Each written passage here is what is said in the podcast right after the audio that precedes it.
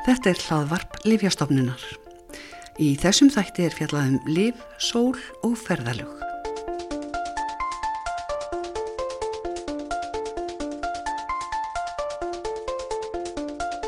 Í þessum þætti í hlaðvarpi Livjastofnunar verður rætt um liv í sömartengdu samhengi. Liv meðferðis á ferðalögum, liv og sólaljós. Hvað má til dæmis taka með sér liv til langs tíma á ferðalögum? Og annað, gott er að huga því að sum liv geta valdið húðútbrótum ef sá sem notar þau er óvarin fyrir sólaljósi. Jana Rós Reynistóttir er deiltastjóri samskiptadeildar Lífjastofnunar og hún ætlar að fara yfir það helsta í þessum málum með okkur. Fyrst um líf á ferðalögum. Því líf eru þess átt á varningur að um þau gilda víðast hvar sérstakar reglur hvað var þar flutning millir landa. Almennt að þá er meða við að það sé í lægi að taka með sér 100 dagaskamt eða því sem samsvarar 100 dagaskamti af hefðbundnum livjum ef við getum sagt það, þetta eru þá liv sem að læknar ávísa og falla ekki undir, undir það að vera ávon og fíknilif. Þetta eru þá kannski einhver vægverkjalif eða síklarlif eða, eða önnur, önnur slík lif. Það eru sem sagt ákveðna reglur um hvað má taka mikið með sér en það er líka mismunandi eftir því inn á hvaða eða út á hvaða landsvæði maður er að fara. Já, einmitt. Þegar maður er að leggja á staði ferðalag þá er mjög mikilvægt að kynna sér það reglur sem gilda í því landi sem man, maður er á leiðinni til og það er hægt að gera með því að, að leita sér upplýsinga á, á netinu en svo er auðvitað líka hægt að hafa samband við uh, sendiráð við komandi ríkis ef, að, ef að þau eru starfandi hér. Uh, við komum til Íslands frá öðrum löndum að þá má bara hafa með sér sem, sagt, sem samsvarar 100 dagaskamti livsæðilskildra livja og en það gildast rángari reglur um ávana og fíknilif og ávana og fíknilif þetta eru þá ef ég tek dæmi þá eru það lif eins og sterkverkjalif uh, svepplif nokkur uh, lifi ADHD svo dæmi séu tekin Þannig að þetta er svona almenna reglan á já, ES-svæðinu og, og Schengen-svæðinu. Já, emitt. Uh, en, en frá löndum innan Schengen að þá, þá má í rauninni flytja alltaf 30 dagaskamt en 14 dagaskamt frá ríkjum utan Schengen. Af, af ávan og fíkni? Af ávan og fíkni lifum, já.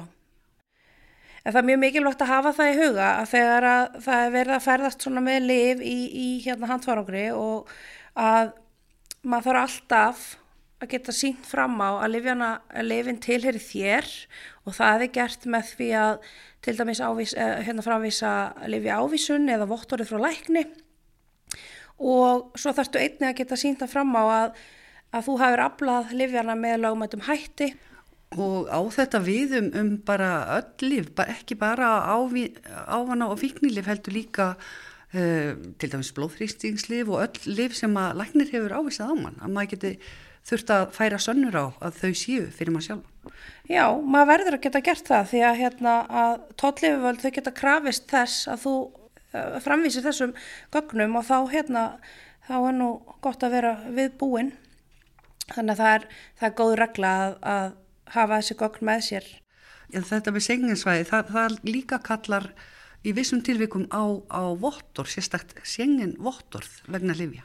Já, það, þeir sem eru með búsut í landi sem eru aðeila senginsamningnum að þeir, ef að þeir eru að flytja með sér ákveðin ávon og fíknilif til eigin nota, þeir verða að geta að vísa fram sengin livja vottorði, svo kalluðu og það er hægt að nálgast inn á Ísland.is, það er bara hérna, sótt um það rafrænt. Það er reyndar verkefni sem er ekki á vegum, við gefum það ekki út Lífjastofnun, heldur er það ennbætti landlagnis. Þannig að já, það er vissar að hafa það með í för. Þannig að alltaf nöðsynlegt að hafa aðgengilega Lífja ávísun, votturlæknis eða aðra skriflega yfirlýsingu sem staðfestir að umsjæðaræða líf sem aflað hefur verið með lögmætum hætti til nótkunar fyrir viðkomandi sem er á ferðalæginu. Og sé um ávan og fíknilefaræða þurfa þeir sem búa í sengenlöndum að hafa tiltækt sengen livjavottorð sem að staðfestir að viðkomandi hafið þörf fyrir umrætt liv. Um ávana og fíknilíf gilda sumulegis aðra reglur en um líf almennt um hversu mikið má taka með sér í ferðalögum millir landa. Sá sem er búsettur innan senginsvæðisins og ferðast innan þess svæðis má hafa með sér sem nefnir notkun í 30 daga af ávana og fíknilifjum sem viðkomandi þar nöðsynlega á að halda. Síðan ferðast út fyrir senginsvæðið gilda reglur þess lands sem ferðast er til. Upplýsingar um hvaða liv teljast ávana og fíknilif geta læknar og livjafræðingar apotekana veitt. Til viðbóta við þetta má benda á að skinsamlegt getur verið að ferðast með liv í upprunalegum umbúðum. Þá fer ekkert að milli mála um hvaða lif er að ræða, þurfum að gera grein fyrir því. Það er greinilega ímislegt sem þarf að hafa í huga þegar ferðast er milli landa og þörfir á að hafa lif meðferðis. Alveg spurning hvort fólk hafi almennt átt að segja á þessu. Sko, ég get alveg ímynda mér að það séu margir sem séu hissa yfir þessu sko, því að hérna, maður hefur nú bara sjálfur gert segur um að ferðast með lif án þess að vera með þessi gögn í lægi sko þannig að hérna en allur var einn góður mm. Svo er þetta náttúrulega orðið einfaldara þegar fólk getur nálgast uh, alls konar uh, kvittanir og vottorð og, og hvað sem er bara í símanu sín Já, einmitt sem betur fer eru við hérna flest orðin vöna að nota heilsuveru og það er þetta bara einum grænum lokka sinn og, og framvísa þessum gögnum allavega ávísunleiknis og, og hérna þannig að já, einmitt, það er svona, það auðveldar manna aðeins lífið. En þetta með upprunalegu umbúðirnar, það er kannski ekki skilda og, og fólk kannski staldra við að sum liv koma í, í daldi svona umfangsmiklum umbúðum þannig að fólk freistast örgla til að eitthvað losa þetta í sundur en þetta er ekki skilda beint. Þetta er ekki skilda en þetta er, þetta er svona góð regla. Þá líka bara er auðveldara fyrir bæði þig að geta sínt fram á hvaða liv ræður um og þá líka ef að kæmi til eftirlits á ferðalæginu að þá getur viðkomandi séð ok, já þetta er þetta liv, þetta stendur hérna á pakningunni. En einmitt svo eru, eru lifauð í allavega umbúðum eh, þannig að í einhverju tilfellum er hægt að, að taka starri hérna, einingar í, og í smærri einingar eins og til dæmis á við um þinnur þar sem að nafni kemur samt sem aðeins fram Þú nefndir handfarangur á þann ég gæti ímynda mér að það er margir sem setja kannski í svona stærri snirtitösku setja lífið sín þar og hendi því svo bara inn í skrokka á vélni eða láta færa það þangað en uh, er það skiptið það mála að vera með þetta í handfarangri? Það getur skipt máli eh, bara ef við tökum bara sem dæmi að ef maður lendir nú í því að taskan skila sér ekki áfangastað þá er nú hérna slæmt að geta ekki haft aðgang á livjónu sínum. Uh, þannig að við, svona, það er alveg skinsamlegt að pakka livjónum sínum í, í handfarangunum þá ertu líka bara, hérna, veistu hvað þið er alla, alla ferðina og, og hérna þú lítur ekki af þeim sko. Sem sagt það svona, þarf að hugað ímsu í sambandi við lífin þegar maður er að fara í ferðalag kannski sem að maður hafði ekkert endilega hugsað út í áður. En svo ætlum við að tala um uh, líf og sólaljós því að það eru til líf sem í samspili við sólaljós geta valdið útbrótum í húð hvaða, hvers konar líf eru þetta? Já, uh, sum líf þau geta valdið uh, svona óæskilegum viðbröðum í húðinni ef að húðin er óvarin fyrir sólaljósi og það er þetta líka við um sólaljós og sólbastofubekjum.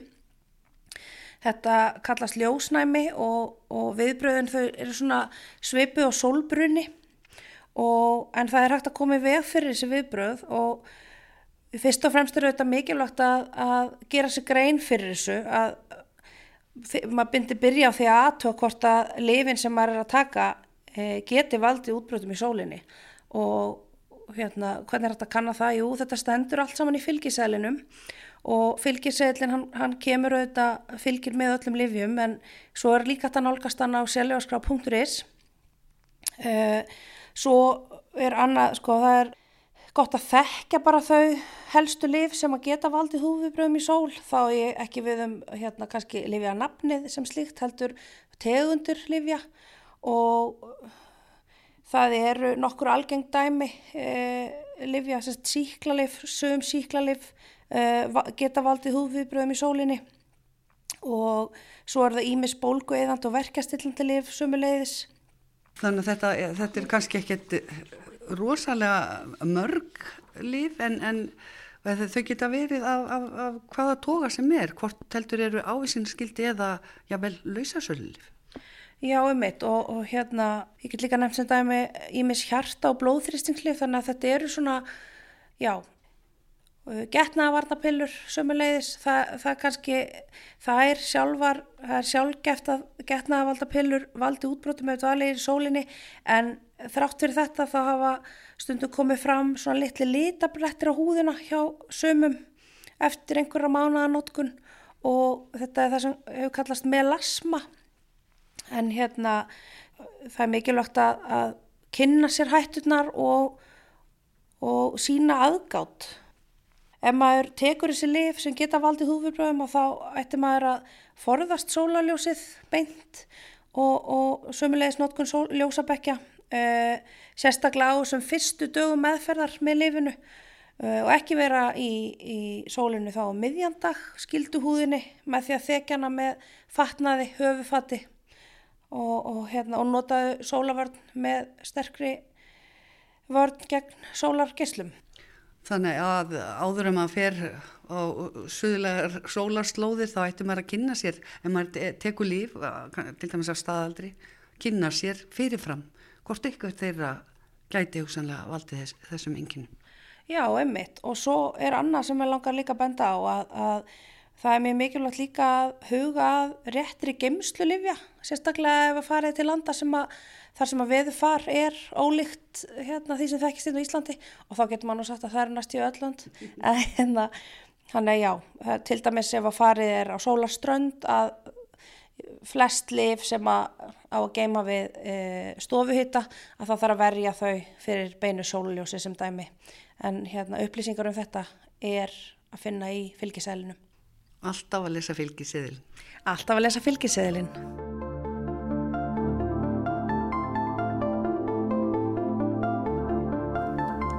Þetta var Jana Rós Reynistóttir, deildastjóri samskipta deilda Lífjastofnunar. Þess má geta að upplýsingar um þessi mál, líf og sólaljós annars vegar og ímislegt sem tengist í að ferðast með líf til annara landa hins vegar, má lesa um á vef Lífjastofnunar. Þá verður þetta ekki meira í bíli, næst verður þráðurinn um líf og lífjatengt mál tekin upp í hlaðvarpinu í haust. Takk fyrir að hlusta á hlaðvarp Lífjastofnunar.